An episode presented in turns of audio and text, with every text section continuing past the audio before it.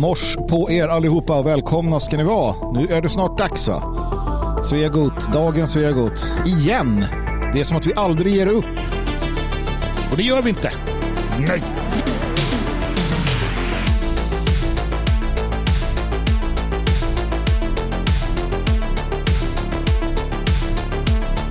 Nej, ger upp gör man fan ta mig inte hörni. Aldrig i livet.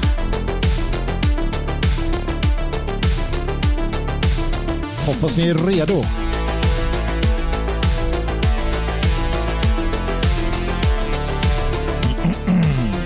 Det är vi nämligen här i studion.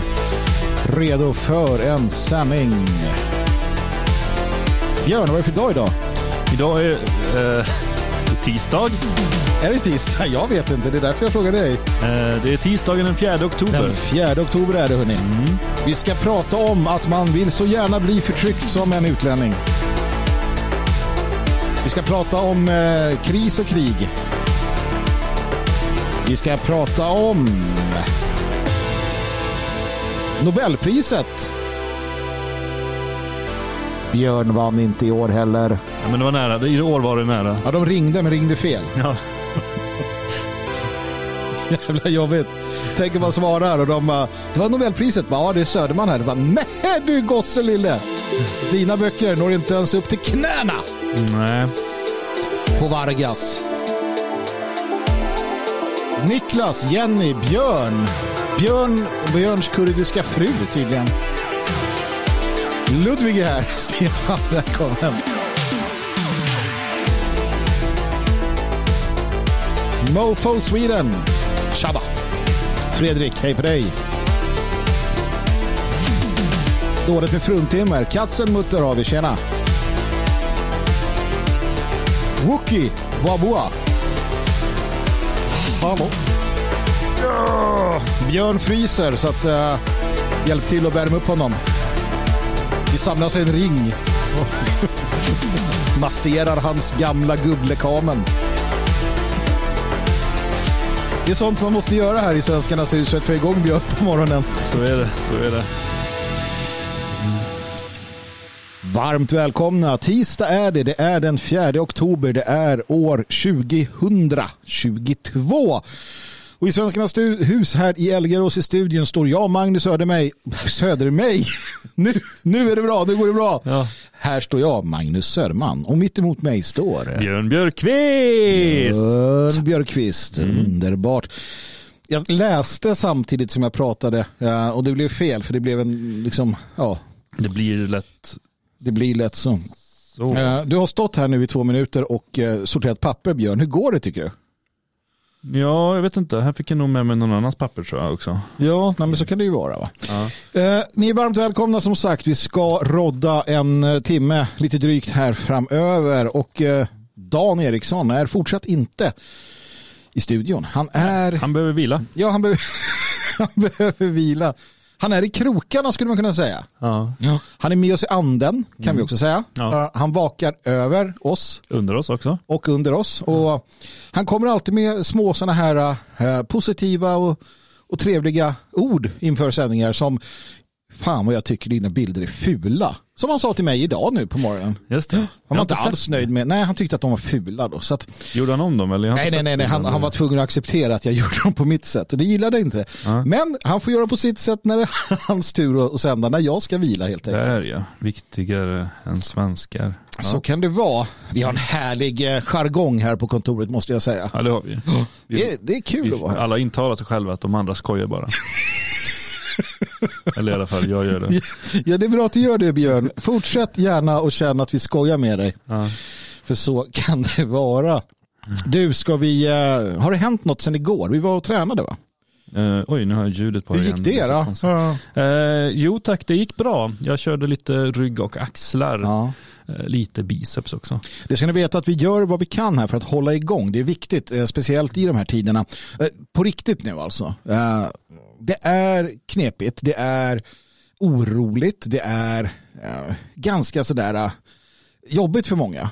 Tänk då på att hålla sådana här rutiner. Alltså, Träna, promenera, rör på er, meditera, kontemplera, ha rutiner, gör vissa saker varje dag. För det är Alltså det är så lätt att när saker hopar sig, man börjar tänka så här, ja, elräkningar och värmen och det är det och det är det. Då börjar jag, det, det är lätt att liksom, i alla fall jag är sån, det är lätt att man så här, nej, man liksom orkar inte. Um, och, och, och, räddningen heter rutiner, eller vad säger du Björn?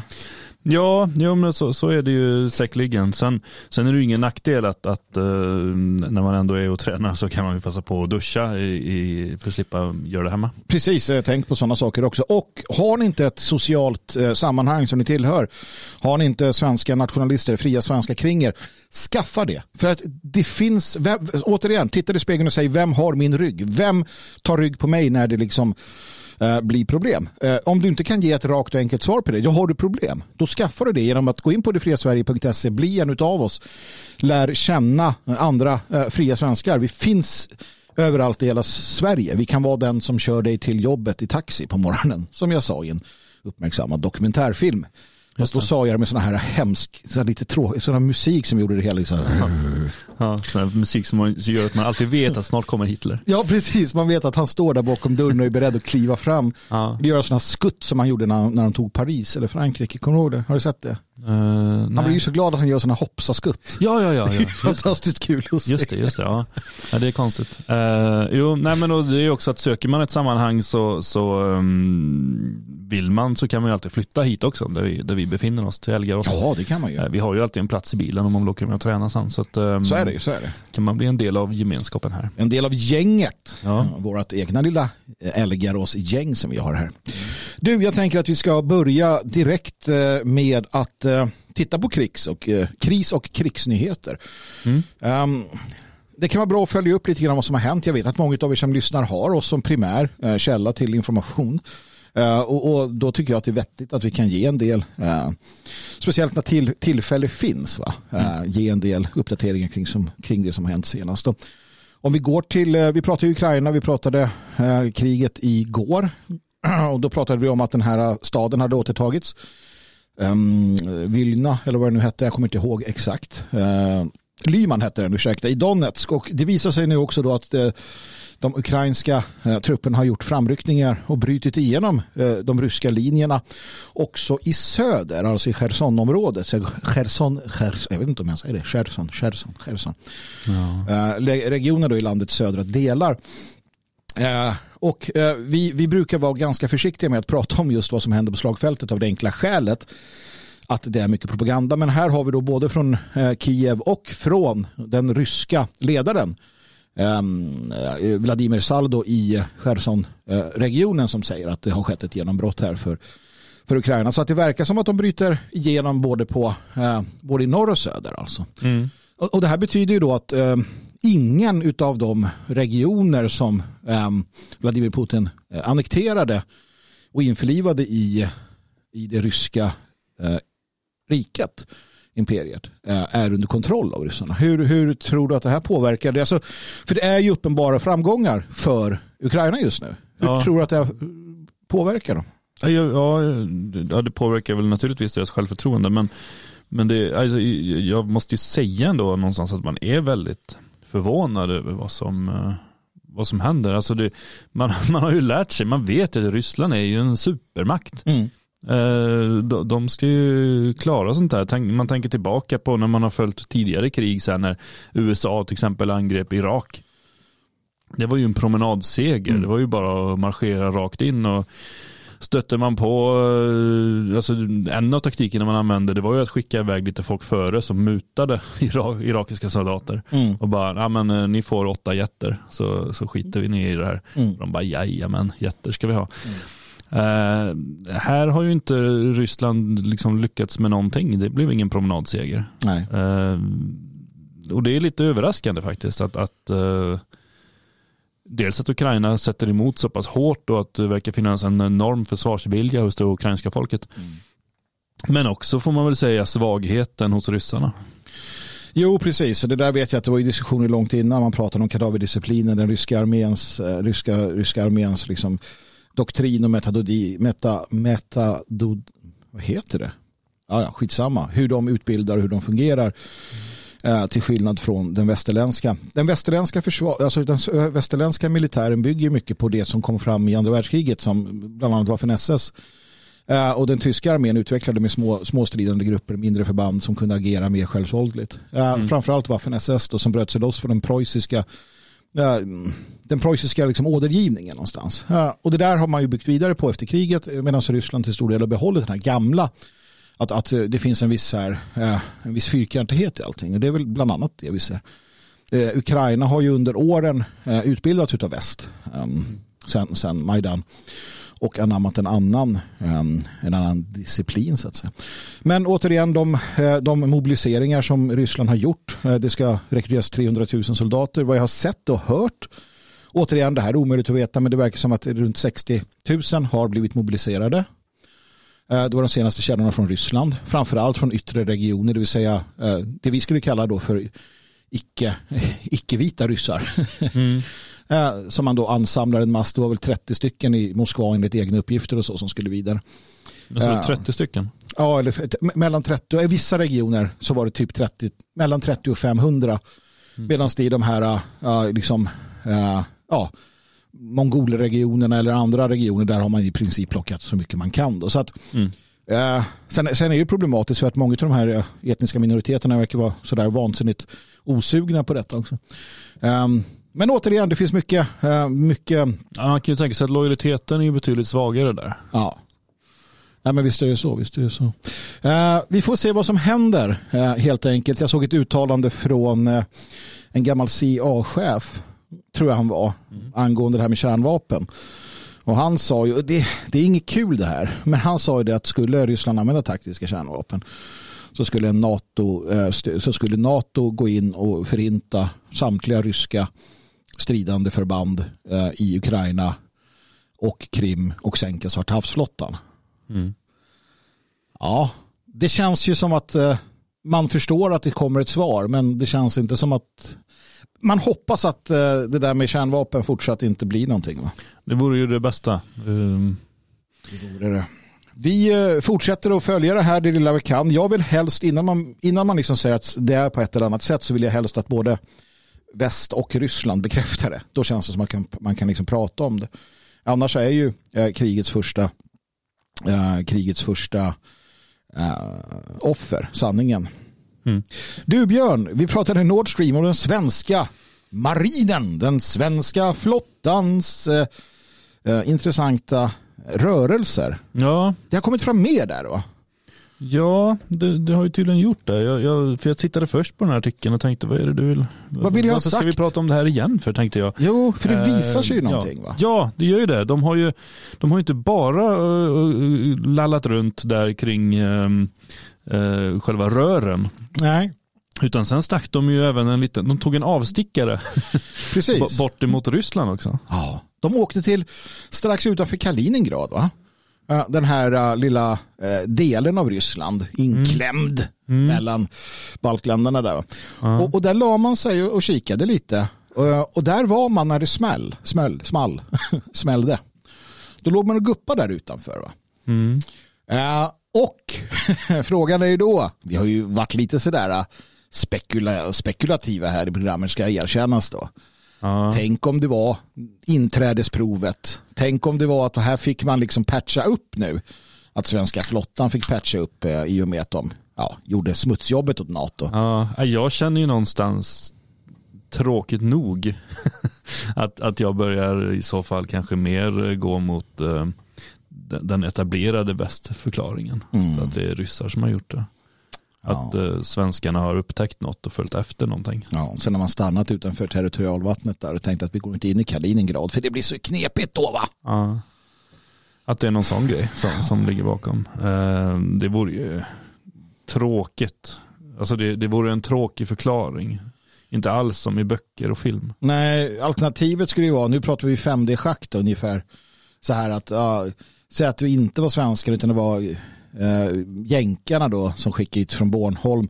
Sverige var där och sen så bara, ja men ni åker upp mot Kaliningrad eh, och lägger er där så ni är där om två dygn för då smäller det och så stäng av den här så att det syns för det här kommer bli någonting som en massa nationella i Sverige pratar om sen. för det är ju ganska sådär det, liksom, just den här då. Men, men sen hade jag hörde nu på i USA var det en kille, någon sån här eh, professor på Harvard eller vad, jag skiter i vad han hade för titel eller talat. Mm. Någon gubbe i alla fall, han sa ju det att nej, det var Polen och USA. Det tyckte han då. Det vart ju ett helvetes liv i studion. vad säger du?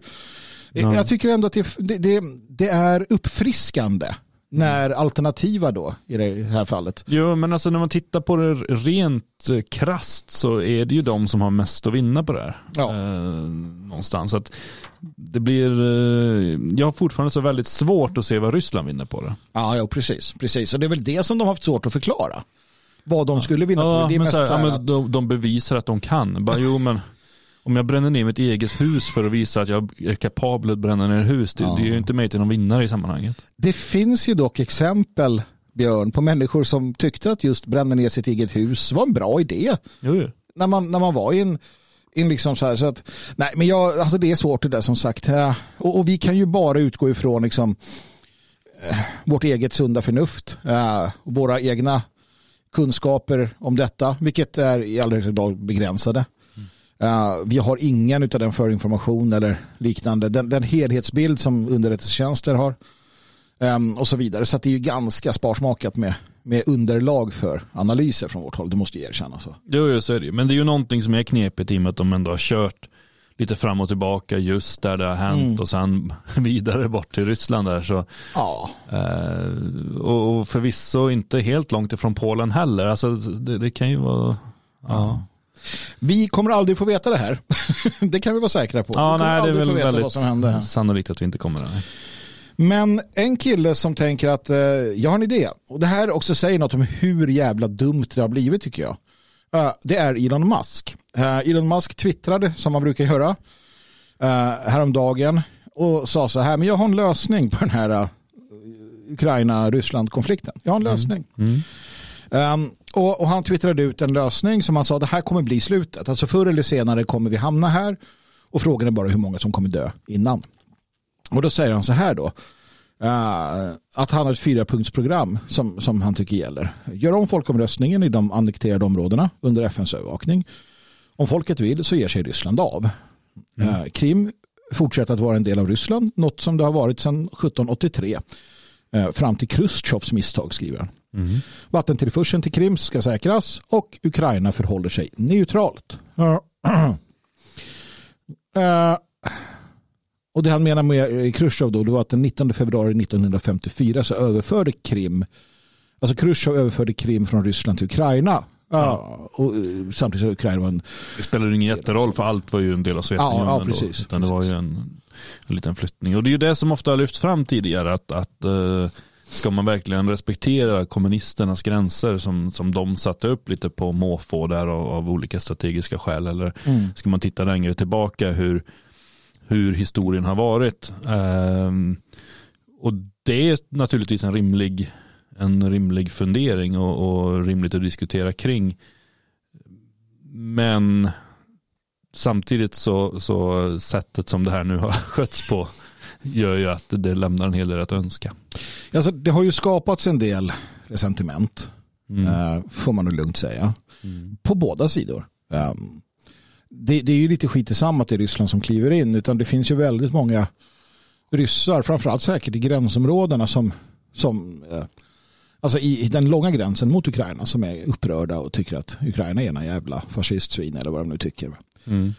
Ja, men... Det blir ju mer allvarligt någonstans när de hamnar på olika sidor av världen. Mm. Det är ju inte som um, man ser gränserna mellan Sverige och Finland där det bor respektive på, på varsin sida Nej. längs hela gränsen. Liksom. Det, det, det, funkar ganska bra, eller norrmän som bor på svenska sidan och sådär. Precis. Det är ju inga större bekymmer. Uh, här blir det ju mycket knepigare. Det blir det ju. Det blir det ju. Och, och det har ju funnits ett problem också om du tittar i, i baltstaterna eller andra delar där du har en rysk stor minoritet.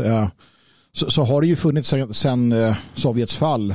Det har funnits liksom en, ett trauma skulle man kunna säga, som har gjort det svårt. Alltså den ryska minoriteten har utan tvekan satt sig själva på ett visst sätt om du tittar Estland, Lettland, Litauen. Mm. Och där har det funnits väldiga problem.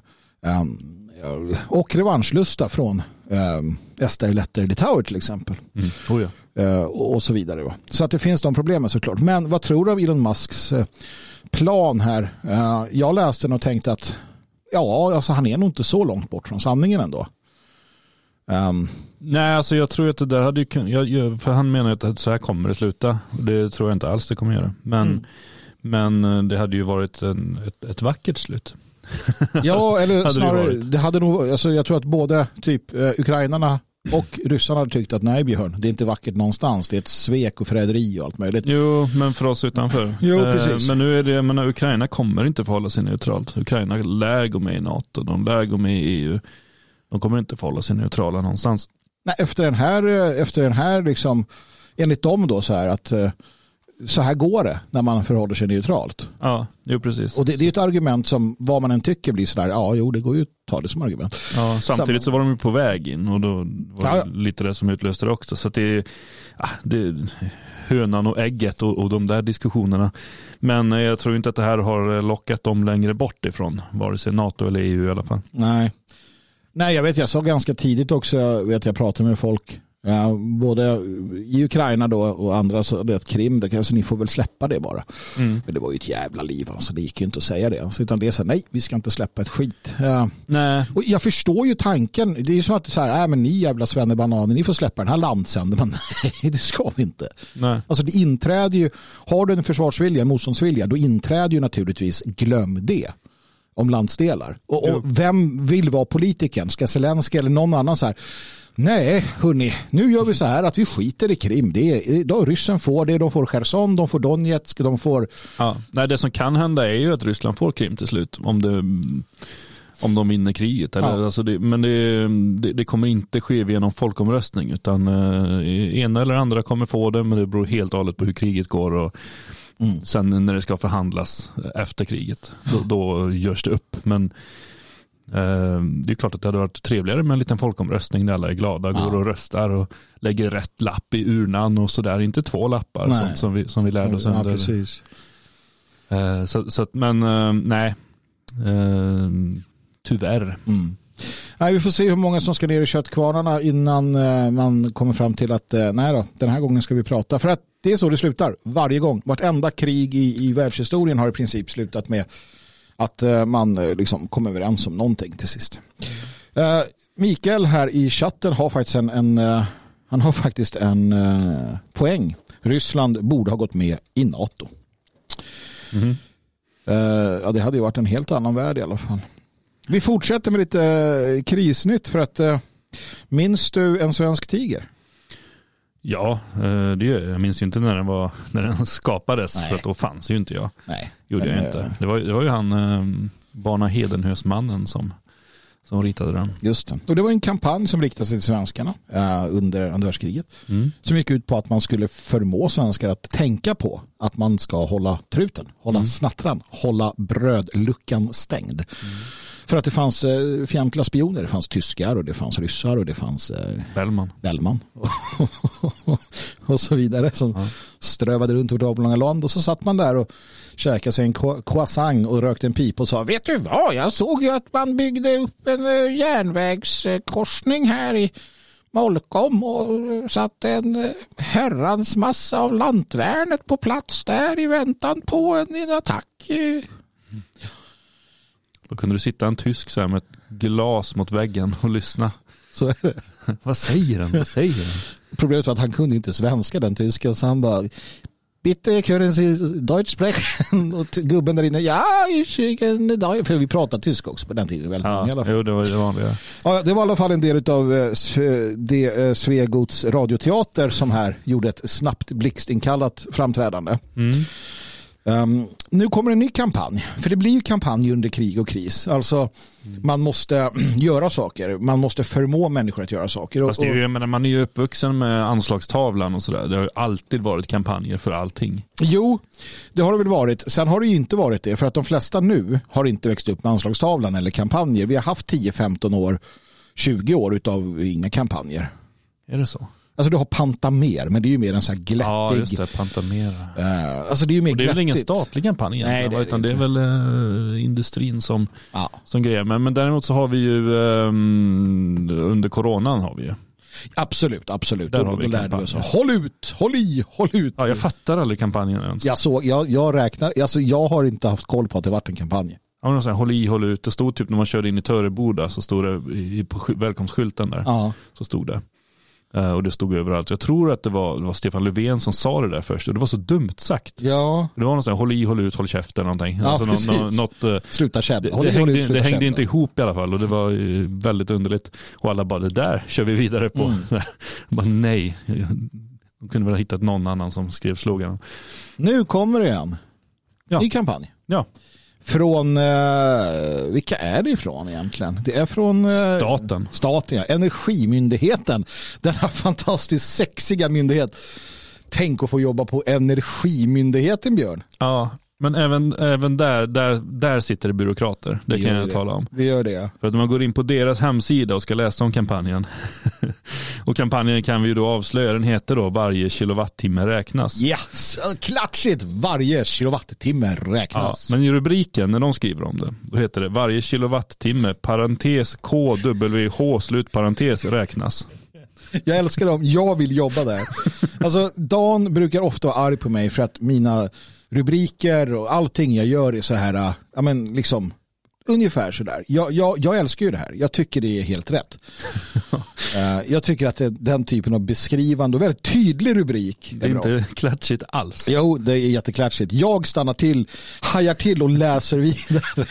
uh, nej men så är det. Och paroller är bland annat uh, Sänk värmen inomhus. Nu hjälper vi, å- hjälps vi åt att spara och annat klatschigt.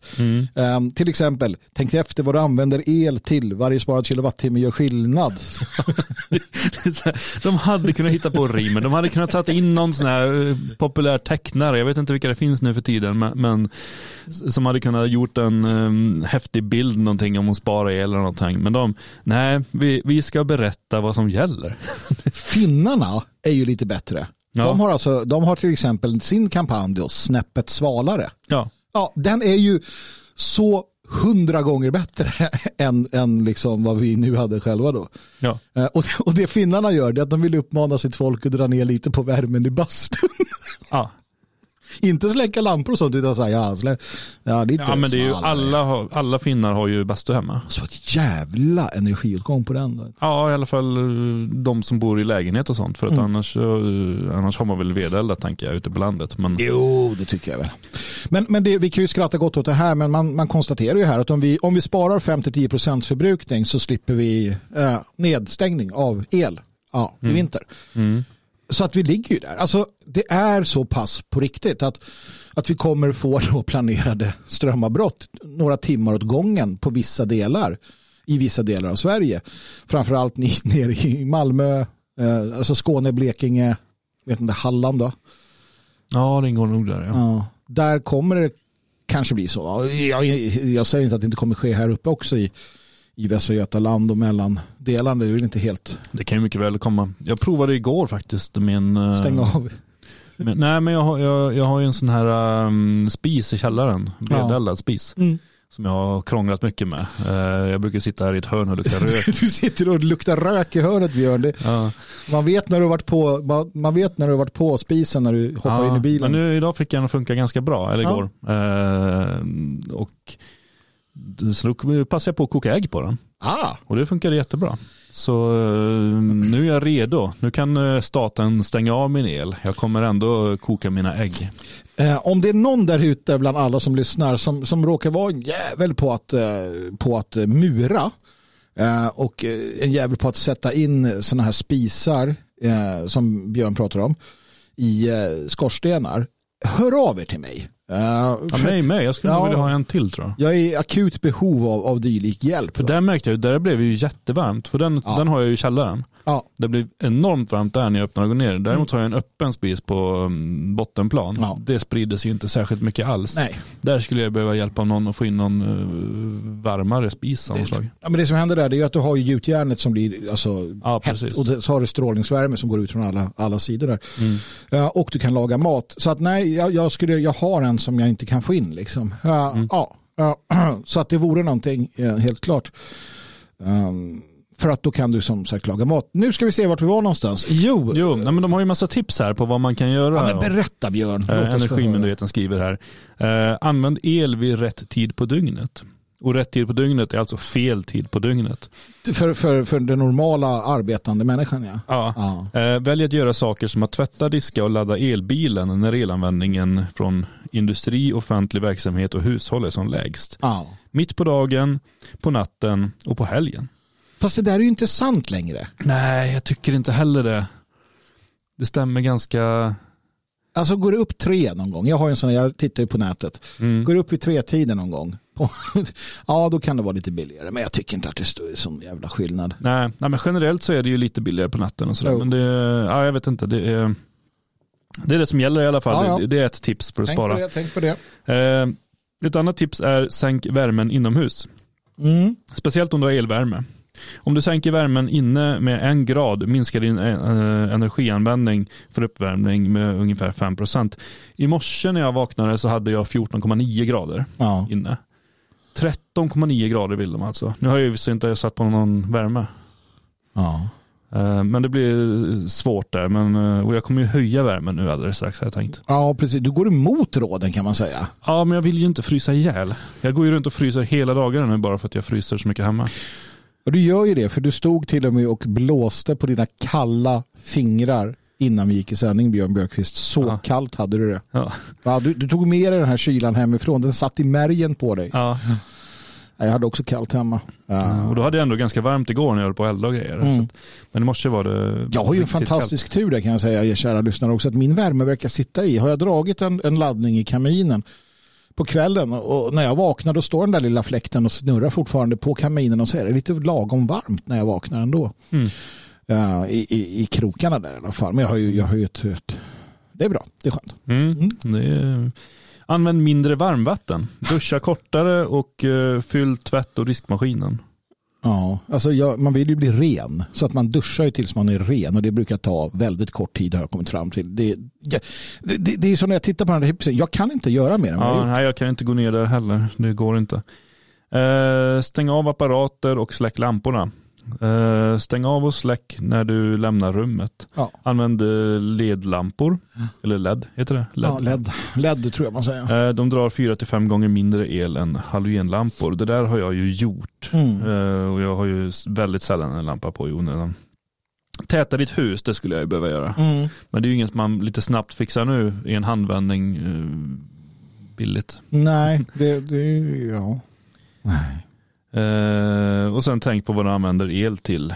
Mm. just det. Ja, nej, jag har nog inte så mycket, men andra kanske fick eh, några tips där. Ja, för att komma ihåg det, varje kilowattimme eh, räknas. Så nu blir det då någon månad eller två eller tre av den här kampanjen ändå. Så att, eh, Mm. Ja, Jag ställer mig bakom den här kampanjen. ja, men det gör jag också. Vattenfall gick ut för övrigt och sa det att eh, ja, det är dyrt att ladda elbil så att man kan gå istället. Ja, det där är ju lite lustigt, får man ju säga. Det har ju kampanjat så stenhårt att svenskar ska skaffa elbil. ja. Och nu när ett gäng har gjort det, då bara nej, vi vill helst inte att ni använder den. Nej. Sluta gå till, slut- sluta ta er till jobbet. Ja. Nej, för elbolagen säger det. Elbilsägare bör eh, ställa elbilen och cykla eller gå istället. Alltså det är så jävla, det är så patetiskt och så jävla misskött. De här politikerna, framförallt min- miljömupparna och hela den här jävla klimatrörelsen som har stått bakom de här idiotierna. Ja, sen håller ju samtidigt så här, Miljöpartiet på och tjatar om, för de är ju vansinniga nu för att eh, den, den eh, regeringen i blivande har ju sagt någonting om att de kommer ju inte satsa på de här höghastighetstågen nu. Nej, nej precis. Eh, Och jag menar, hur skulle de kunna drivas? Ja, Det hade ju inte gått. Så, ja, nu har vi byggt räls och allting här men vi kan inte köra några tåg för elen är slut. ja. Nej, inte. nej, det får bli att flyga för människorna. ja, någonting ska vi väl göra.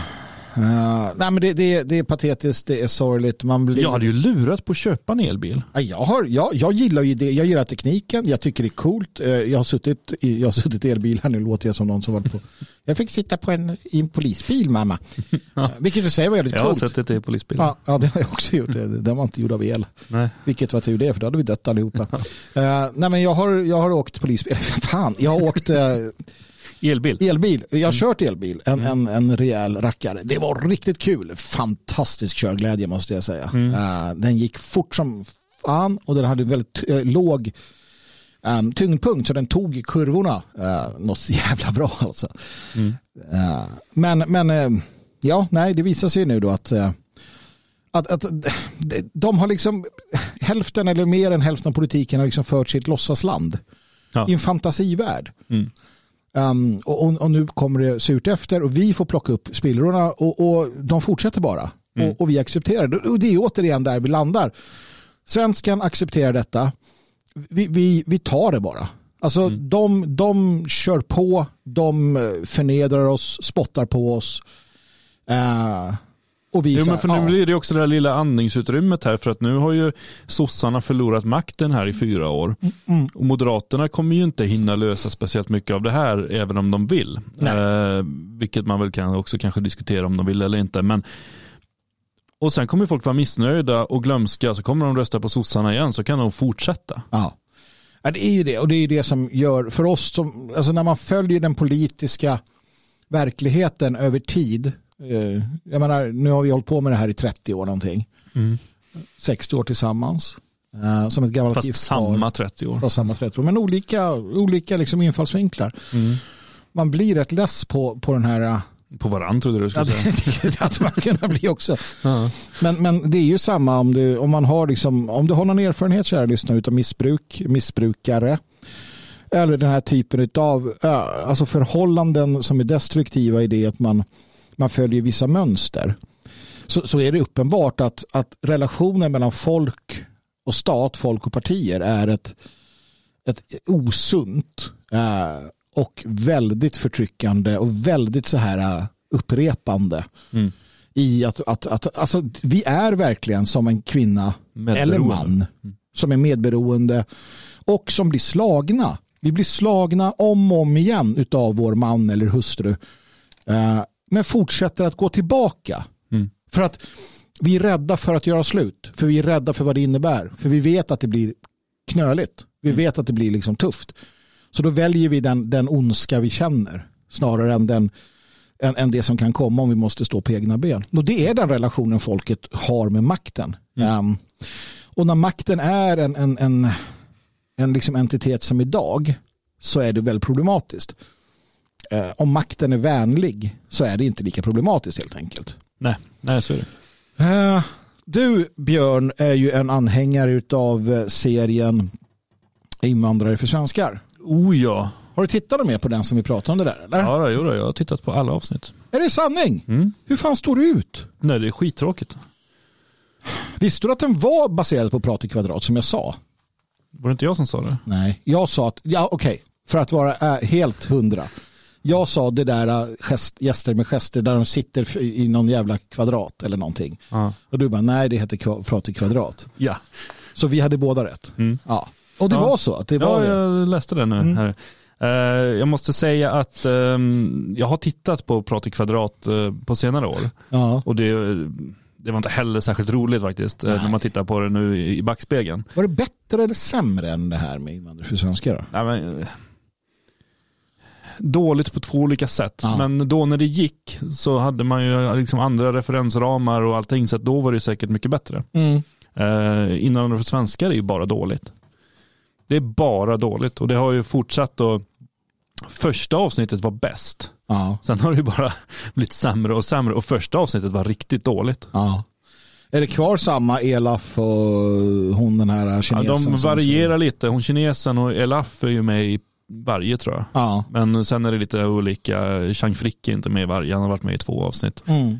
Eh, vad heter han? Eh, Mark Linde var med. Ett. Han är ju inte komiker ens, han är ju konstnär. Ja, det var ju han som gjorde då den här tårtan som, som skrek när man skar den underlivet. Precis. Tårtans underliv alltså. Ja. ja. Eh, tårtans underliv. Ja, alltså det var ju en tårta av en svart eh, kvinna Ja, det. med Så- hans huvud. Ja, tror jag. Och så, så var det då min, en minister som var där och skar i underlivet. Ja, det var inte planerat. Nej, hon bara Det bara tog blev det. Hon, hon började skära i hugget liksom. Och, och han började skrika. Det var så jävla konstigt allting. Ja, jag, jag läste någon lång intervju med honom där i samband med det där och de är ju goda vänner eh, sedan dess. Mm. Kulturministern och Markode. De fann varandra i detta på något sätt. Ja, Han sitter i Berlin, Markode, och odlar cannabis på sin balkong i, i Berlin läste jag i Fokus hade en längre intervju med honom. ja, det var nog där jag läste om Ja. eh, det där också. Han, han hade även en sån där kopp som Dan Park har gjort. Just det, just det. Ja, ja. Han verkar ju ändå vara Årets pappa. jag, jag har ju svårt för sådana här kulturnissar, alltså sådana där liksom som härjar runt, men han verkar ju inte vara helt jävla, han verkar inte vara helt sådär. Han röker ju cannabis. Ja, han röker cannabis och är svart. Ja, Fan, jävla cool kille. Ja, det är det som gör att han sticker ut. En svart kille som röker ja, cannabis. det är inte. Eh, Men du, din ja. kritik där, du, du, du, du. där hände någonting. Jag hakade upp mig. Ja, det, det gjorde du. var sjukt. Ja. Eh, Du är inte den enda som har kritik mot det här programmet. Du delar ju kritik med DNs kulturtant Vesna Prekopik. ja, fast ändå gör vi inte det. Nej, ni har kanske olika kritik. Eh, ja, eller både hon och jag tycker att det är tråkigt. Ja, Hon skriver ju där att eh, typ sammanlagt tre minuter eller något är roliga och resten är bara liksom kaos och tråkigt och de Ja. skriker på varandra. Och, ja men det, är inte det lite som torget i Marrakesh eller jo, liksom, ja, det nya Sverige? Att det är så här. ja, ja, men det, det, det är så väldigt, det var det där jag, jag såg, jag tror det var senaste avsnittet. Eh, Och, och, för de sitter hela tiden och ska vara lite så tuffa mot varandra, Mm. i, de som sitter i kvadraten. Eh, och då var det, det, det kom något skämt, nu har jag helt glömt bort vad det handlade om. Eh, men, men människan i alla fall bara, ja och det är precis som, och så bara peka på någon annan. Och så svarar den andra, ja men du då?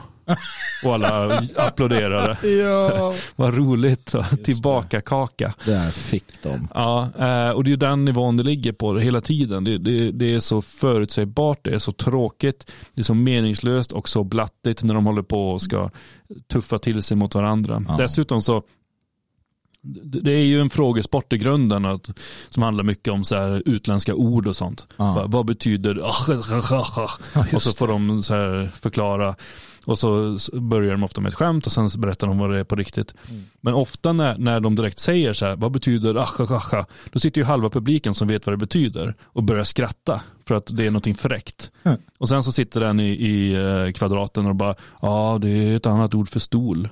Och så skrattar publiken ännu mer och så vet ju den som står där, nej det där är ju inte sant. Eh, ja, nej, så, så är upplägget och eh, det är tråkigt. Men det är ju inte framför allt det som Vesna Prekopic är Nej, arg på. Vad är det hon ogillar i det här då?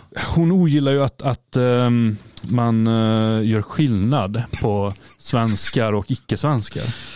Hela programmet går ju ut på att på ett skojfriskt sätt, det här är ju själva tanken, på ett skojfriskt sätt så möter vi varandra, vi möter, vi krockar kulturer på ett safe place, vi skrattar och har det bra.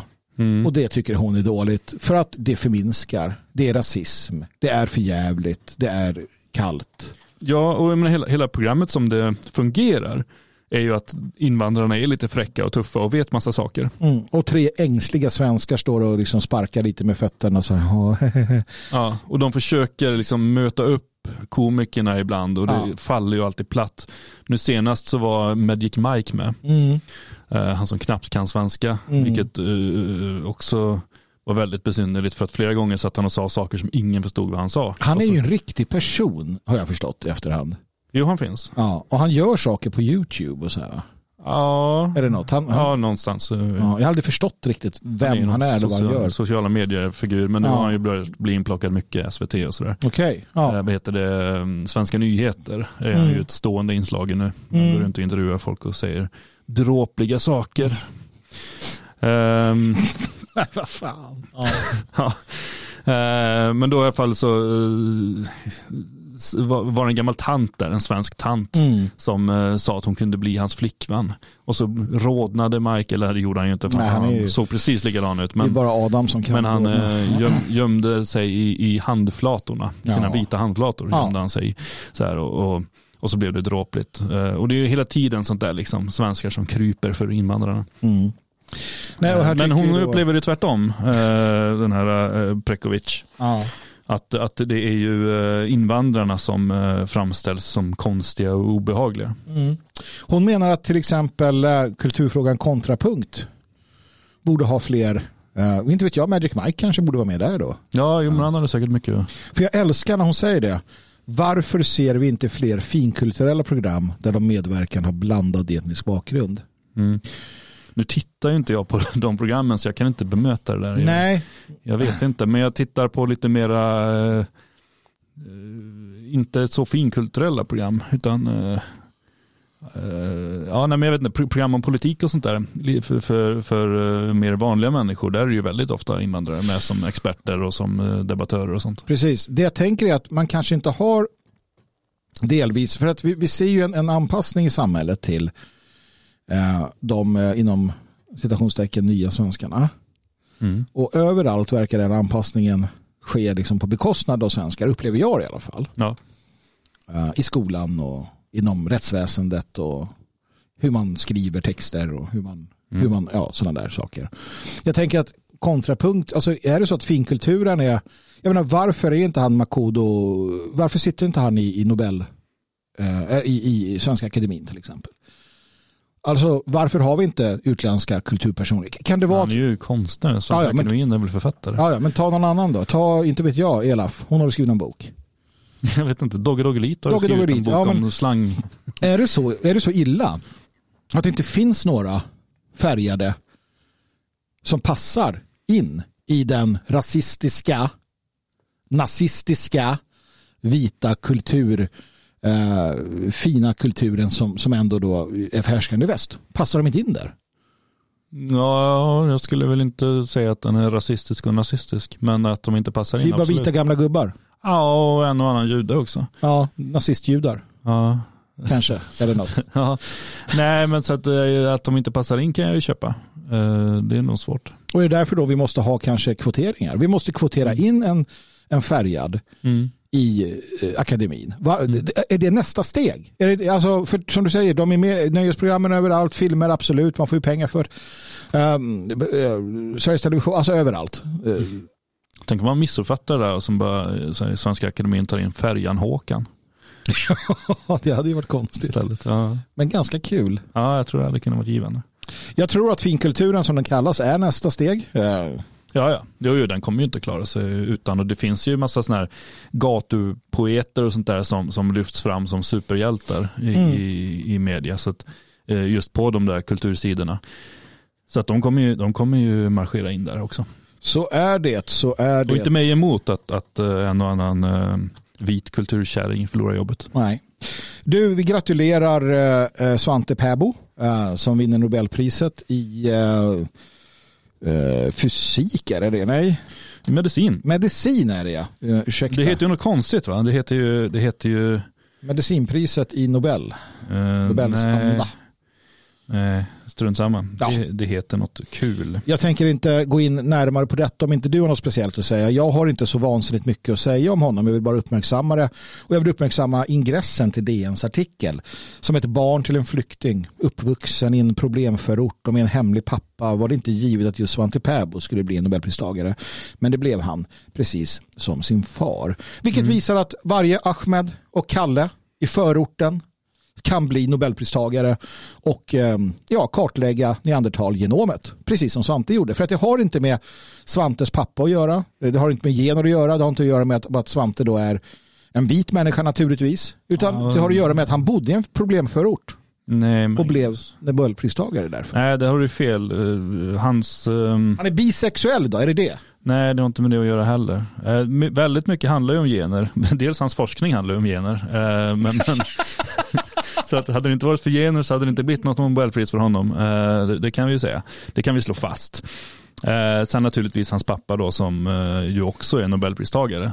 Eh, det, det spelar ju helt klart in det genetiska. Eh, han hade ju en hemlig pappa men inte en frånvarande Nej. pappa utan han träffade sin far ganska ofta. Det han har gjort är att han har lyckats eh, kartlägga neandertalargenen Ja.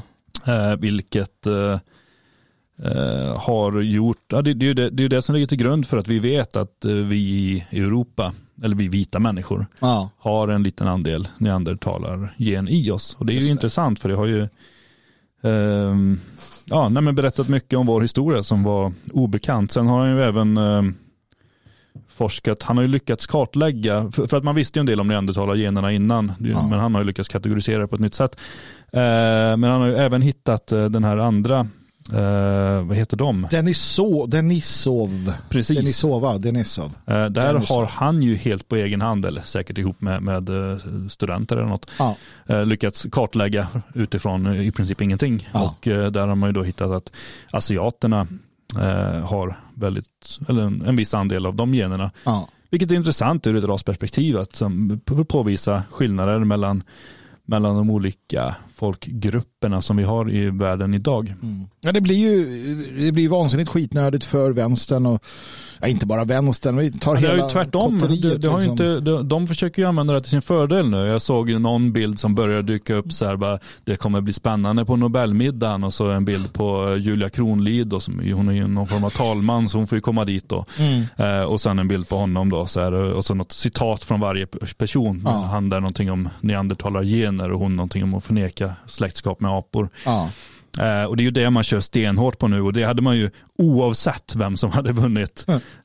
Det heter ens vunnit Nobelpris. Ja, vem som helst hade tilldelats Nobelpriset så hade, man ju, så hade man ju använt det här nu. Bara, här har vi någon som håller på med vetenskap och här har vi någon som inte. Ja. eh, där fick de till det. Och det är ju roligt så det får man, det får man ge dem. Jag hade ju också kunnat gjort något liknande med att här är vi någon som erkänner liksom DNA och ärftlighet och sånt och Ja. sen visat vilken annan politiker som helst som springer runt som någon trött sosse och förnekar eh, vetenskap. Precis, jag, jag tycker att det bästa med allting det är att vad de än gör, hur de än skriver, hur de än vrider och vänder på det så finns det naturliga lagar som är giltiga. Det spelar ingen roll vad Aftonbladet skriver. Det spelar ingen roll vad hö-maffian säger. Mm. Hoppar du från ett eh, flygplan utan fallskärm så kommer du slå ihjäl dig. Och det de gör på massiv skala det är att bryta mot de naturliga lagarna mot bättre vetande och det kommer sluta med deras egen och tyvärr många av våras eh, olycka. Men så länge vi förstår det så har vi ett övertag. Återigen, grattis Svante till Nobelpriset. Det förtjänade du. Eh, Björn Björkqvist, min vän. Min vän och vapendragare. Mm. Vapendragare, ja. Hur, hur känns det när rollerna är ombytta? Hur känns det när, när det inte längre är du själv som sitter med, med, med, med rätten att bestämma vad som är rätt eller fel eller upp eller ner? Ja, det kan eh, Aftonbladets ledarsida svara på. Anders Lindberg kan svara på det. Eh, under rubriken SD vill att andra ska hålla käften. Våra nya härskare ser kritik som odemokratiskt. Kul eh, att du, Anders Lindberg, har förstått vilka som är härskarna. De nya härskarna. Vi har återigen ingen regering. Eh, den har inte tillträtt. Vi har inte ens ett förslag på regering så vitt jag vet. Eh, men de nya härskarna är SD. Jag fick se den dagen. Jag minns när jag gick där, var med, liksom delade ut SD-flygblad i Kallhäll. Året var 1991 eller någonting. Och nu härskar, jag säger vi, jag säger vi, Björn Björkqvist, du är en del av detta också. Vi härskar, vi är de nya härskarna, vi är härskarklassen. Du och jag, Jimmy Åkesson, Björn Söder, Julia Kronlid. Hur känns detta? Jo, nej, men det känns bra. Jag, jag tar ju också på mig det här. Jag har, jag har gått ut med det här väldigt tydligt nu att 94 så hjälpte jag till i valrörelsen. Då var jag ute och satte upp affischer och grejer och åkte runt natten före valet och, och satte upp plakat och sånt där.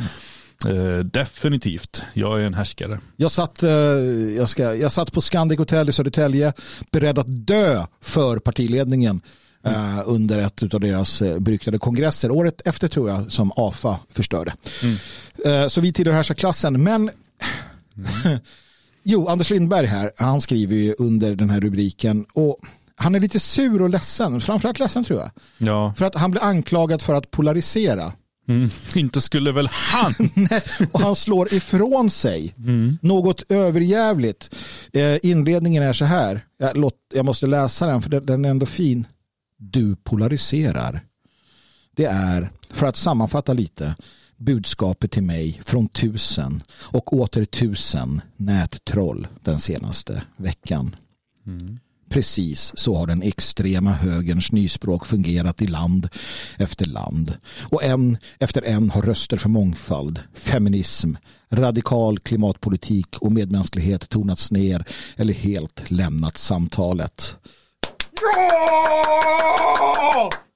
Jag var bara tvungen att utbrista detta. Ja. Uh, vad, vad, känner du när du läser hans artikel? Jag känner så här, att han, han känner sig väldigt påhoppad. Du polariserar, mm. säger han. Och vad hemskt. Och vilka är det som säger det? Jo, det är trollen. Ja. är här, han kan inte hålla sig mer än en mening till Nej. och sen måste han sätta igång och avhumanisera människor. Så här, det är inga riktiga människor som säger det här, det är troll. Eh, och han fattar inte det, han ser inte det. Han håller på precis som vanligt. Så här, liksom, det konstanta eh, angreppen mot människor som inte tycker som honom. Mm. Det är så här, rasister, nazister eller så är det troll. Mm. Och där står han och kan fortfarande inte se det, kan fortfarande inte fatta det. Mm. Eh, ja, nej, det, men, men, det som är, det jag tar med mig egentligen, det, det är ju den här upprördheten mm. när han börjar uppleva att människor använder samma argumentation som sossarna har drivit på så länge. Mm. Nej, precis, för han säger då så här att oh, han, när han kritiserar SD då blir, han, då blir han uthängd som att han har förakt för demokratin. Eh, när han säger något om SD så, så får han, blir han anklagad om att avveckla folkstyret. Mm. Och det är ungefär som när då invandringskritiker kritiker har sagt att det kanske, var dum, det kanske är dumt med, en, med, med, med öppna gränser och, och, och, och, och i samma veva med det blir anklagade för att vilja folkmord. Ja, eller förneka svensk tradition som ju har varit öppenhet. Eller att man, eh, om man kritiserar Socialdemokraterna så är man ute efter att förstöra Sverigebilden. Man är antipatriotisk för att man eh, utmålar Sverige som någonting negativt och det mm. kan tas upp av utländska krafter. Samtidigt som nu då så en av de mest spridda eh, bilderna nu efter valet är ju, är ju från, eh, eller ja det finns flera stycken egentligen, dels från en fransk tidning och dels från, från någon amerikansk tror jag, där de angriper då Sverige som ett nazistiskt land. Ja. Och det sprider de jätteglatt nu. nu. Det är då Sverigedemokraternas och väljarnas fel att Sverige utmålas sådär. Men väldigt glatt spritt av socialdemokrater i Sverige. Mm. Medan tidigare om man ens har kritiserat invandringspolitiken då har man ju varit antipatriot. Precis, eh, det har man varit. Ehm, och vi ska gå in lite på det här och prata lite om det här för att äh, temat idag som vi nu har kommit fram till är ju den här, eh, det här påståendet att utlänningar fortfarande är viktigare än svenskar i Sverige. Och eh, jag vill börja med att eh, om jag nu lyckas spela ett litet klipp från SVT angående ett brott som har skett här för inte så länge sedan.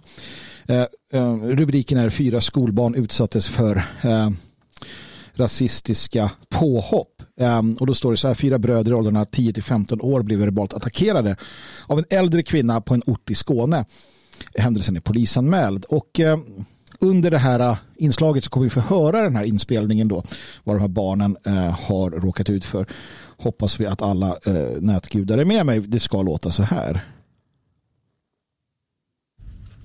Min ena son ringde mig. Han försökte berätta men han kunde inte riktigt få fram ordet för han var så ledsen. Min andra då, son skickade videoklipp på händelsen.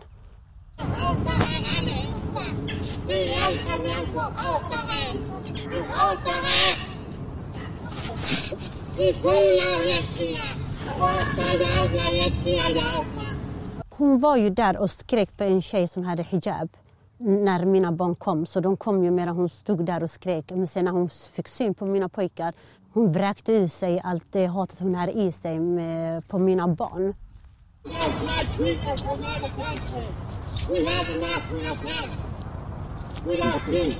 Bröderna är 10, 12, 13 och 15 år gamla. Händelsen inträffade på morgonen när de var på väg till skolan. Hon vet ingenting om mina pojkar, hon vet ingenting om min familj. Och sen då beskriva hur deras utseende, att det var äckligt. Svarta är äckliga, ni är äckliga. Och sättet som hon skrek, som hon hade massa hat i sig. Vad har vi pensionärer på hjärtat? Går vi det här landet? Ingen!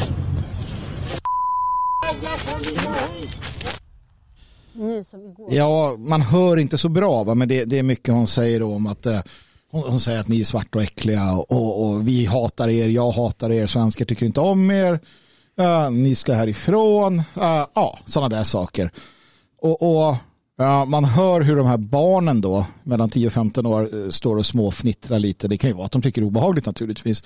Men det kan ju också vara att de inte bryr sig särskilt mycket. Jag, jag minns när jag själv var i den åldern och någon, någon gubbe fick något utbrott på en för att man hade ställt till det. Det var ju sällan så att man tog det särskilt allvarligt. Va? Eh, alldeles oavsett vad de så att säga eh, sa. Men Björn Björkqvist, Mm. det här är ju ett mycket, mycket allvarligt brott eh, har jag förstått det som. Och det är det här som blir lite, lite ja, tycker jag, liksom tråkigt, obehagligt och så jävla tydligt. För att polisen säger då den här typen av brott är prioriterade. Ja. Du har en skånsk sur tant. Mm. Alltså nå- inte värre än hämtat från valfri liksom så här Pippi Långstrump. Eh, eh, typ, eller sån här, ja men typ, vad heter hon, Komadoran. Som sitter och gastar. Alltså vi har ju den här stereotypa Ja. sura människan. Ja, som skriker här åt de här. Och det är då det är då enligt, en- enligt polisen eh, värt att sätta in då eh, en specialistgrupp för att det här är demokratihotande brottslighet. Mm. Ja, det där är ju beklämmande får man ju säga. Alltså det, det begås ju så enorma mängder brott och polisen har ju sagt själva att de prioriterar bort Mm. vardagsbrott. Mm. De prioriterar bort eh, liksom inbrott till exempel. Mm. Då har du tur så kommer de ut efter några dagar och tittar lite snabbt. Eh, Och sticker sen, men, men det görs ingenting. Cykelstölder är ju ingenting som utreds. Det är Nej. ju bara, ja, det måste göras av försäkringsskäl, men det är ju inte så att eh, det utreds. Mängder av sådana där brott. Sen även när det kommer till grövre brottslighet så är man ganska snabb med att avskriva till exempel våldtäkter och sånt Mm. för att det, man har inte tid att utreda utan det är enklare att bara avskriva utan utredning. Mm. Eh, Men det här då, som man säger, den här typen av ärenden är prioriterade. Mm. Det drabbar individer för att de är den person som de är. Mm. Men jag menar, är det värre att någon säger några dumma eh, saker än att någon bryter sig in, går igenom dina privata ägodelar Mm. och sen drar därifrån med grejer de tycker är värda något. Nej men precis. Och det är liksom också det här att den är demokratihotande för att den då drabbar i det här fallet minoriteten eh, invandrare. Eller minoriteten inte vit. Eller vad det kan tänkas vara. Återigen, det är jävligt, här är det enkelt att veta vem som är svensk och vem som inte är svensk. Ja, När hon Prekopic skrev om invandrare för svenskar så var det jävligt lätt att veta vem som är svensk och vem som inte är svensk. Så att uppenbarligen vet poliser, eh, ju- alltså jurister, journalister, alla vet Mm. vilka som är svenskar och inte svenskar. Och vi vet att icke-svenskar är mer värda än svenskar för de får du inte driva narr med eller driva gäck med. Du får inte skrika att eh, vi hatar er åt dem eh, och så vidare för det är demokratihotande.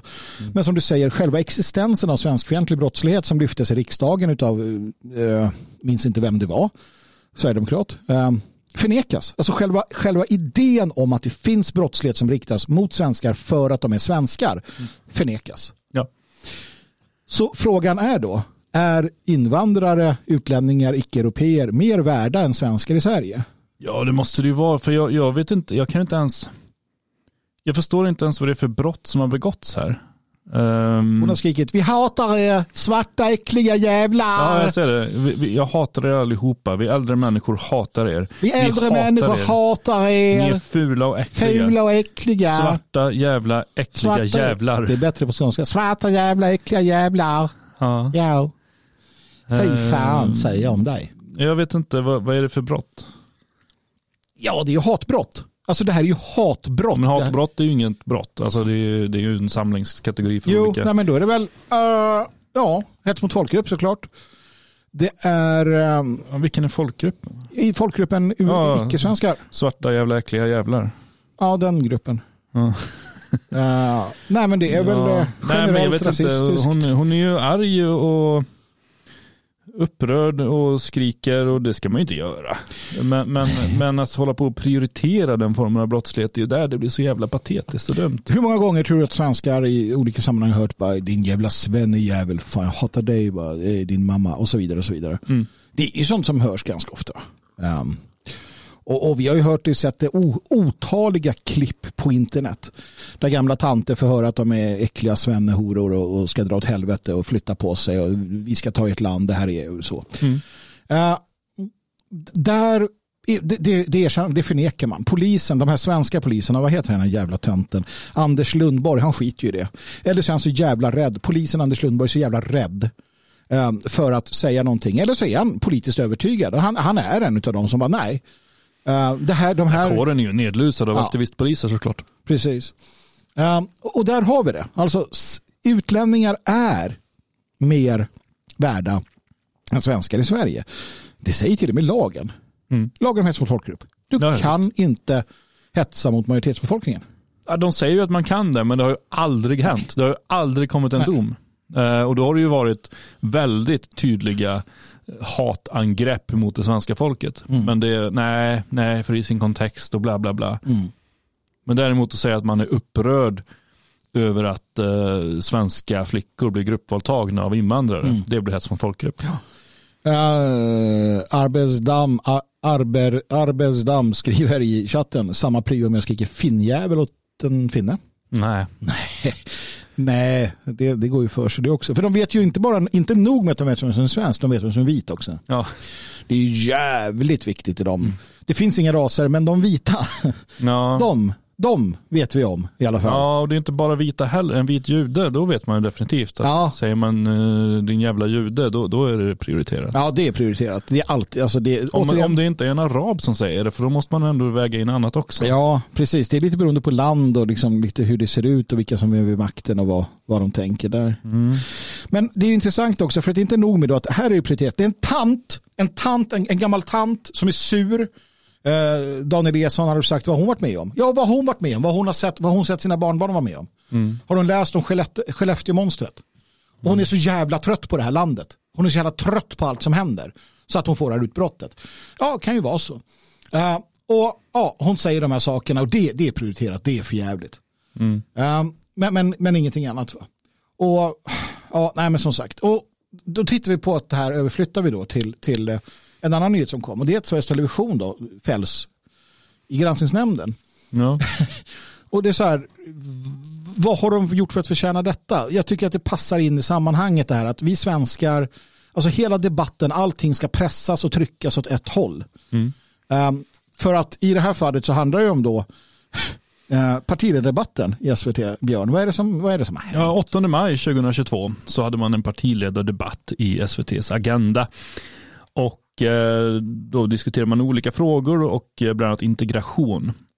Och i samband med eh, varje debatt så hade man i bakgrunden så syntes en genrebild. Ja.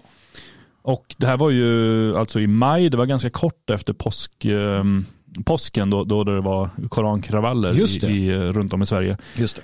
Så att man illustrerade helt enkelt integrationsdebatten med en bild på brinnande polisbilar. Ja. Och eh, det här anmäldes då av upprörda människor. Mm. Eh, varför då, undrar man ju. Ja, varför då? Eh, jo, eh, därför att eh, de skrev så här, att bildvalet var problematiskt eftersom det felaktigt kopplade samman integration med upplopp. Mm. Eh, bildvalet gav intryck av att Sveriges Television ställer sig bakom ett högerpopulistiskt narrativ som målar upp invandring som förknippat med problem och våldsamheter. En anmälare anser också att inslaget som helhet följde detta narrativ genom att handla om upplopp snarare än integration. Eh, vilket anmälaren anser är kränkande gentemot invandrare.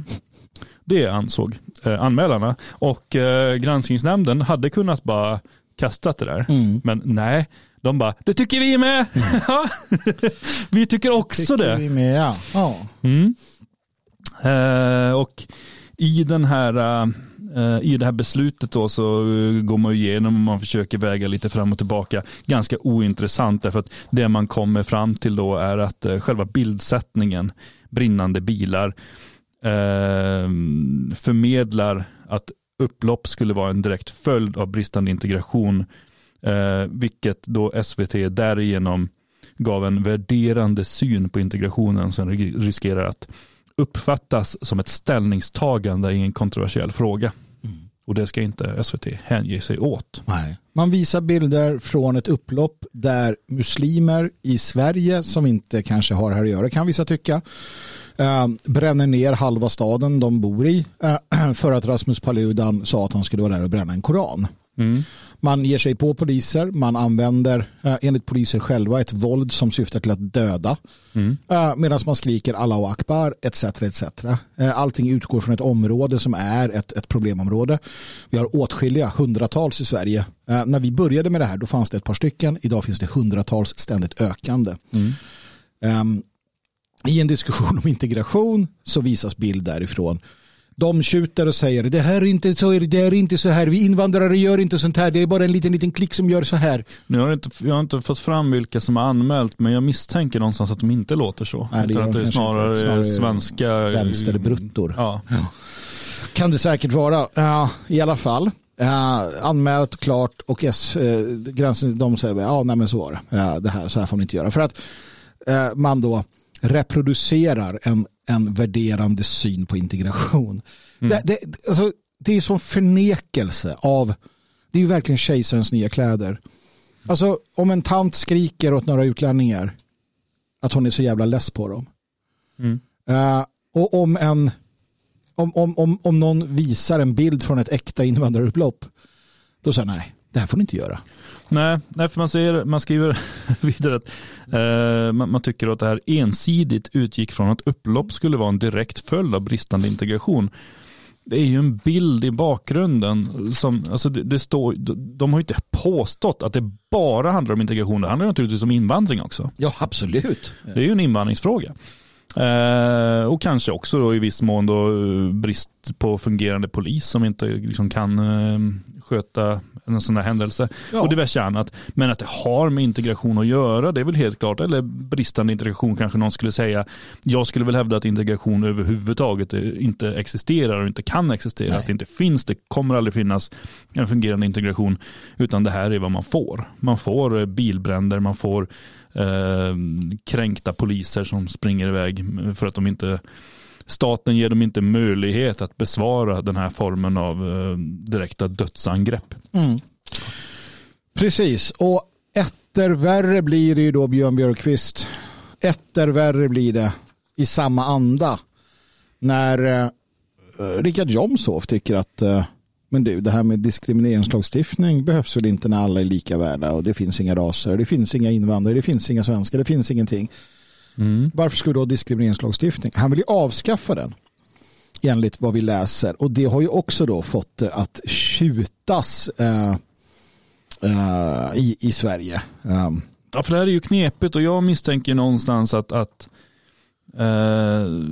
för det är ju tidningen Arbetet som har uh, uppmärksammat det från mm. början och sen har det tagits upp av mängder av andra tidningar. Jag misstänker någonstans att en bit av argumentationen har fallit bort. helt enkelt. Berätta helt enkelt. Ja, nej, men den stora rubriken och det stora som har pratats om och som har snurrat runt mycket på Twitter till exempel är att Jomshof vill avskaffa diskrimineringslagen. Ja. Och det är hemskt. Ja. Uh, för att man ska inte få lov att diskriminera. Mm. Uh, och inom Sverigedemokraterna så har det länge då funnits en debatt om att man kanske borde utöka diskrimineringslagen mm. snarare mm. än ta bort. Så att man borde utöka den till att även gälla åsikter, mm. uh, vilket då till exempel Jomshof har varit uh, utsatt för när han blev av med mängder av lärarjobb på grund av att han tyckte som han tyckte. Mm. inte på grund av hur han var som lärare. Nej, nej. För att alla det finns ju inga klagomål på honom som lärare. Nej, absolut inte. Utan tvärtom väldigt mycket beröm från mm. elever som tyckte han var bra. Men, mm. men eh, andra elever på skolan som inte hade honom ja. var upprörda och började skolstrejka. Och det var innan Greta till och med. Precis, precis. Eh, nåväl. Men sen så har väl då Sverigedemokraterna kommit fram till att det är bättre att eh, avskaffa själva diskrimineringslagen men ersätta med en regel som förbjuder otillbörlig särbehandling. Mm. Det vill säga ordklyveri. Mm. Man vill ju ha kvar diskrimineringslagen men man vill just då att den ska utökas till att gälla lite allt möjligt, inte Mm. bara vissa punkter som, eh, för att citera Sverigedemokraterna tydligen, de har sagt eh, vissa punkter som används för att gynna enskilda grupper som för tillfället uppbär etablissemangets gunst. Precis, att någonstans handlar det om att de egentligen är ute efter att du ska inte kunna få sparken för att du är nationalist. Ehm, ja, Eller för att du är svart. Ja, eller, för att du är svart. Eller, eller gravid, eller- Precis. Men, men här, här reagerar... Här reagerar ju systemet sådär ryggmärgs, med, ryggmär, med, ryggmärgsreflexen. Mm. Eh, de ser framför sig hur tusentals, hundratusentals svenska arbetsgivare sparkar den, den, liksom, den här eh, den, den, den svarta killen. Eller den, Det är väldigt intressant att de utgår också ifrån att ingen vill ha svarta människor på sin arbetsplats. nej. Ingen vill ha svarta, ingen vill ha homosexuella, ingen vill ha transvestiter, ingen vill ha eh, eh, muslimer eller buddister för den delen. Ingen vill ha gamlingar eller någon som sitter i rullstol. Eller kvinnor som kan bli gravida. Eller kvinnor som kan bli gravida. Eh, Så, jag- så eh, försvinner den här lagen, då kommer ingen anställa någon sån människa. Nej, det är bara Någonsin. vita män. Vita män i sina bästa år kommer få alla jobb enligt hur de då resonerar. Mm. Jag tror inte på det. Nej, jag tror inte heller på det. Men det är ryggmärgen, utan det, det är som du säger, den här, dels den här sunkiga rasismen som de alltid företräder. Mm. Att så här, svarta klarar sig inte på egen hand. Så är det bara. Eh, araber klarar sig inte. De klarar sig alldeles utmärkt. Titta hur det ser ut i Sverige, de klarar sig alldeles utmärkt. Nu får de ju benägen hjälp naturligtvis också. Utav just den här typen av eh, rasister som, som ja, godhetsrasister, om vi ska kalla dem för det. Eller någonting. Mm. Eh, nej, det här handlar ju framförallt om att man inte tycker att man ska kunna få eh, ska, tycker att man ska kunna få sparken för att man, man tycker olika. Liksom. Mm. Ja, men det eh, är ju liksom tji fick de där. Och för, att, för att det är inte bara så att du som svensk är ett as enligt den här makten som är på olika sätt. Den, den metapolitiska och den politiska makten är allt väsentligt. Du är, en, du är ett, alltså vita svenskar eh, är ett gäng kossor som systemet snuttar på dess spenar. Våra spenar. Man vill, man vill krama ut det sista ur, vår, ur våra juver. Ja, i princip slakta helt och hållet. I princip slakta. För de har börjat, börjat glömma bort det faktum att om du slaktar kossan så slutar den ge dig mjölk. Va? Mm. Uh, än så länge så är det några som har kvar det. Så det vill de göra. De vill hålla oss i schack. Uh, och de vill inte att idéer om uh, kossornas frihet och värde ska sprida sig bland kossorna. Nej. Så att de ska då få sparken och inte kunna ja, agera. Det ska, vara, det ska vara svårt med alla möjliga saker för att vara då uh, sådana som vi. Uh, och det här kan ju inte lösas med mindre än att vi får tillbaka uh, självrespekten, modet, ryggraden. Alltså vi måste pusha på. Vi måste fortsätta att gå framåt. Liksom. Mm. Um, Jomshoff gjorde det, uh, bland annat. Han, han gav ju inte upp bara för att han fick sparken. Uh, Nej, han körde på. Jag, jag minns ett starkt argument som fördes fram i lokalmedia.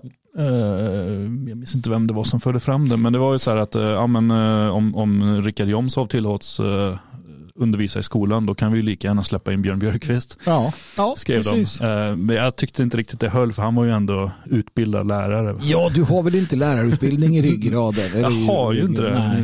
Nej.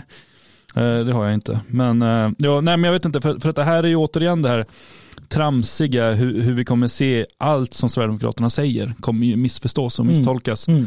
eh, in absurdum. Sen så är ju inte jag helt främmande för att Sverigedemokraterna kanske eh, på sikt skulle kunna tänka sig att lätta lite grann på diskrimineringslagarna. Nej. Men inte det han säger nu i alla fall. Definitivt inte, utan nu vill han ju bara utöka den. Nej, och, och jag menar, någonstans så, så finns det ju också, alltså att de inte ger sig, alltså sådana som Anders Lindberg och, och liksom hela kotteriet. För saken är den att deras beteende, konstanta beteende, förminskandet av det svenska, det här hatet mot svenskar, det leder till att, att svenskarna kommer att ha överseende om Sverigedemokraterna skulle liksom så här börja, vad ska man säga, börja eh, alltså i en framtid där man har mer makt och har mer möjligheter. Att, man, att man kanske svingar det här maktsvärdet på ett sätt som inte hade varit acceptabelt 10-20 år tidigare. Är accept- för man är så trött. Alltså till sist så tröttnar man till den grad att du kan ta vad som helst. Vad som helst är bättre än det du har någonstans. Um, det, det här vi sa, till sist så lämnar du den här uh, plågoanden. Alltså, du inser någonstans, och det gäller ju då misshandlade kvinnor och män för den delen, eh, framförallt kvinnor, eh, uppenbarligen, att du till sist kommer fram till att jag måste lämna den här, annars mm. dör jag. Mm. Och när du väl har kommit fram till det, ja då kan du göra vad som helst. Um, och samma sak blir det ju här. Och, och, det är ju tråkigt att det ska behöva gå så långt, men återigen, att våldta svenska kvinnor, flickor, eh, att, att råna, förnedra svenskar, det renderar inte ens ett ord om svensk fientlighet. Men en skånsk tant säger fan vad jag hatar sådana som er. Mm. I affekt. Mm. Då kopplas specialens, eh, polisens specialstyrka in. För det är demokratihotande brottslighet. En tants jävla tirader mot några ungar som kanske till och med sa något fult till henne, vad vet jag. Ja, nej, men som vanligt vet man ju aldrig bakgrunden och, vad som har hänt. Det finns någon beskrivning där om att först ska hon ha skrikit på någon huckletant och mm. sen så kom barnen fram och då började de skrika på dem istället. Ja. Eh, kanske var det så, kanske var det något annat.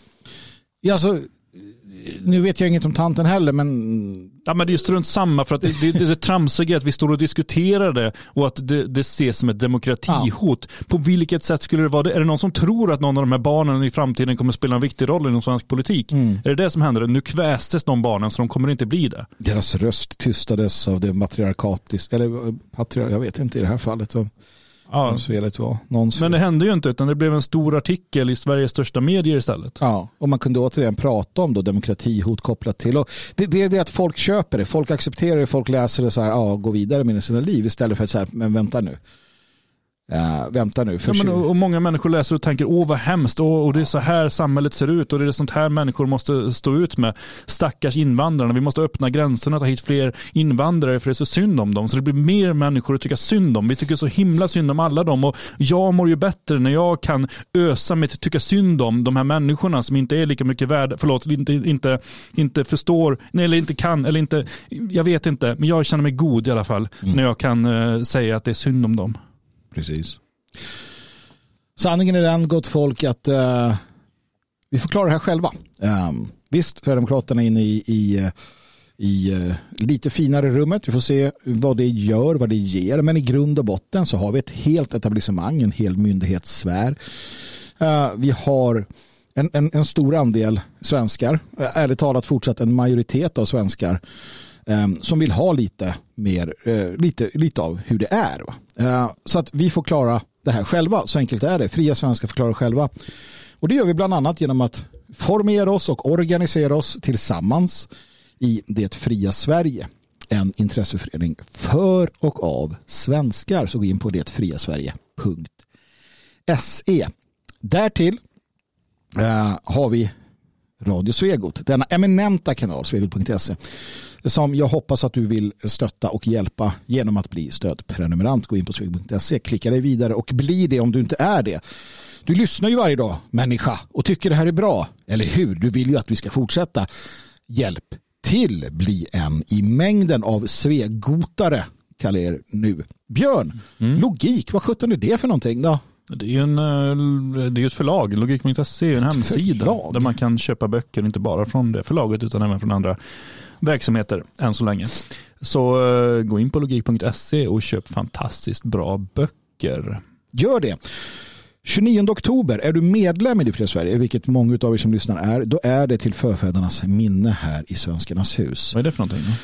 Uh, det är en, en fantastisk uh, träff som vi har, en gemenskap, en, en minnesafton där vi, där vi tillsammans pratar om, minns och hedrar våra förfäder. Dels de eh, som vi inte känner vid namn. Eh, den stora massa av människor som kommit innan oss. Men också naturligtvis våra egna nära och kära. Vi skålar, vi pratar, vi minns och vi har eh, eh, känslomässiga och trevliga eh, ceremonier helt enkelt för att kunna hedra de här människorna som har gått före oss. Eh, gå in på Fria Svenskar om du är medlem och så bokar du biljetter. Det är platsbokning till detta. Vi vill inte vara för många helt enkelt här i huset när vi gör det här. Um, så gör det. 29 eh, oktober är det. Och kan man ta med sig icke-medlemmar? Absolut. Du som medlem bokar. Du kan boka till icke-medlemmar också som är varmt välkomna uh, att delta i detta. Så, så det tycker jag att ni ska göra. Med det så vet i tusan om jag har så mycket mer att säga uh, för dagen. Den uh, fortsätter för oss här. Vi ska lägga ner och gå vidare till andra uppgifter imorgon. Björn, är vi tillbaka då tycker du? Imorgon tycker jag vi är tillbaka. Klockan tio tycker jag vi spikar. Det säger vi att vi gör. Säg hej då till varandra. Vi lyssnar lite på, jag vet inte vad det är för någonting. Något trevligt. Ses vi, hörs vi imorgon. Hej då med er. We shoot first and we can last. Keep your rifle by.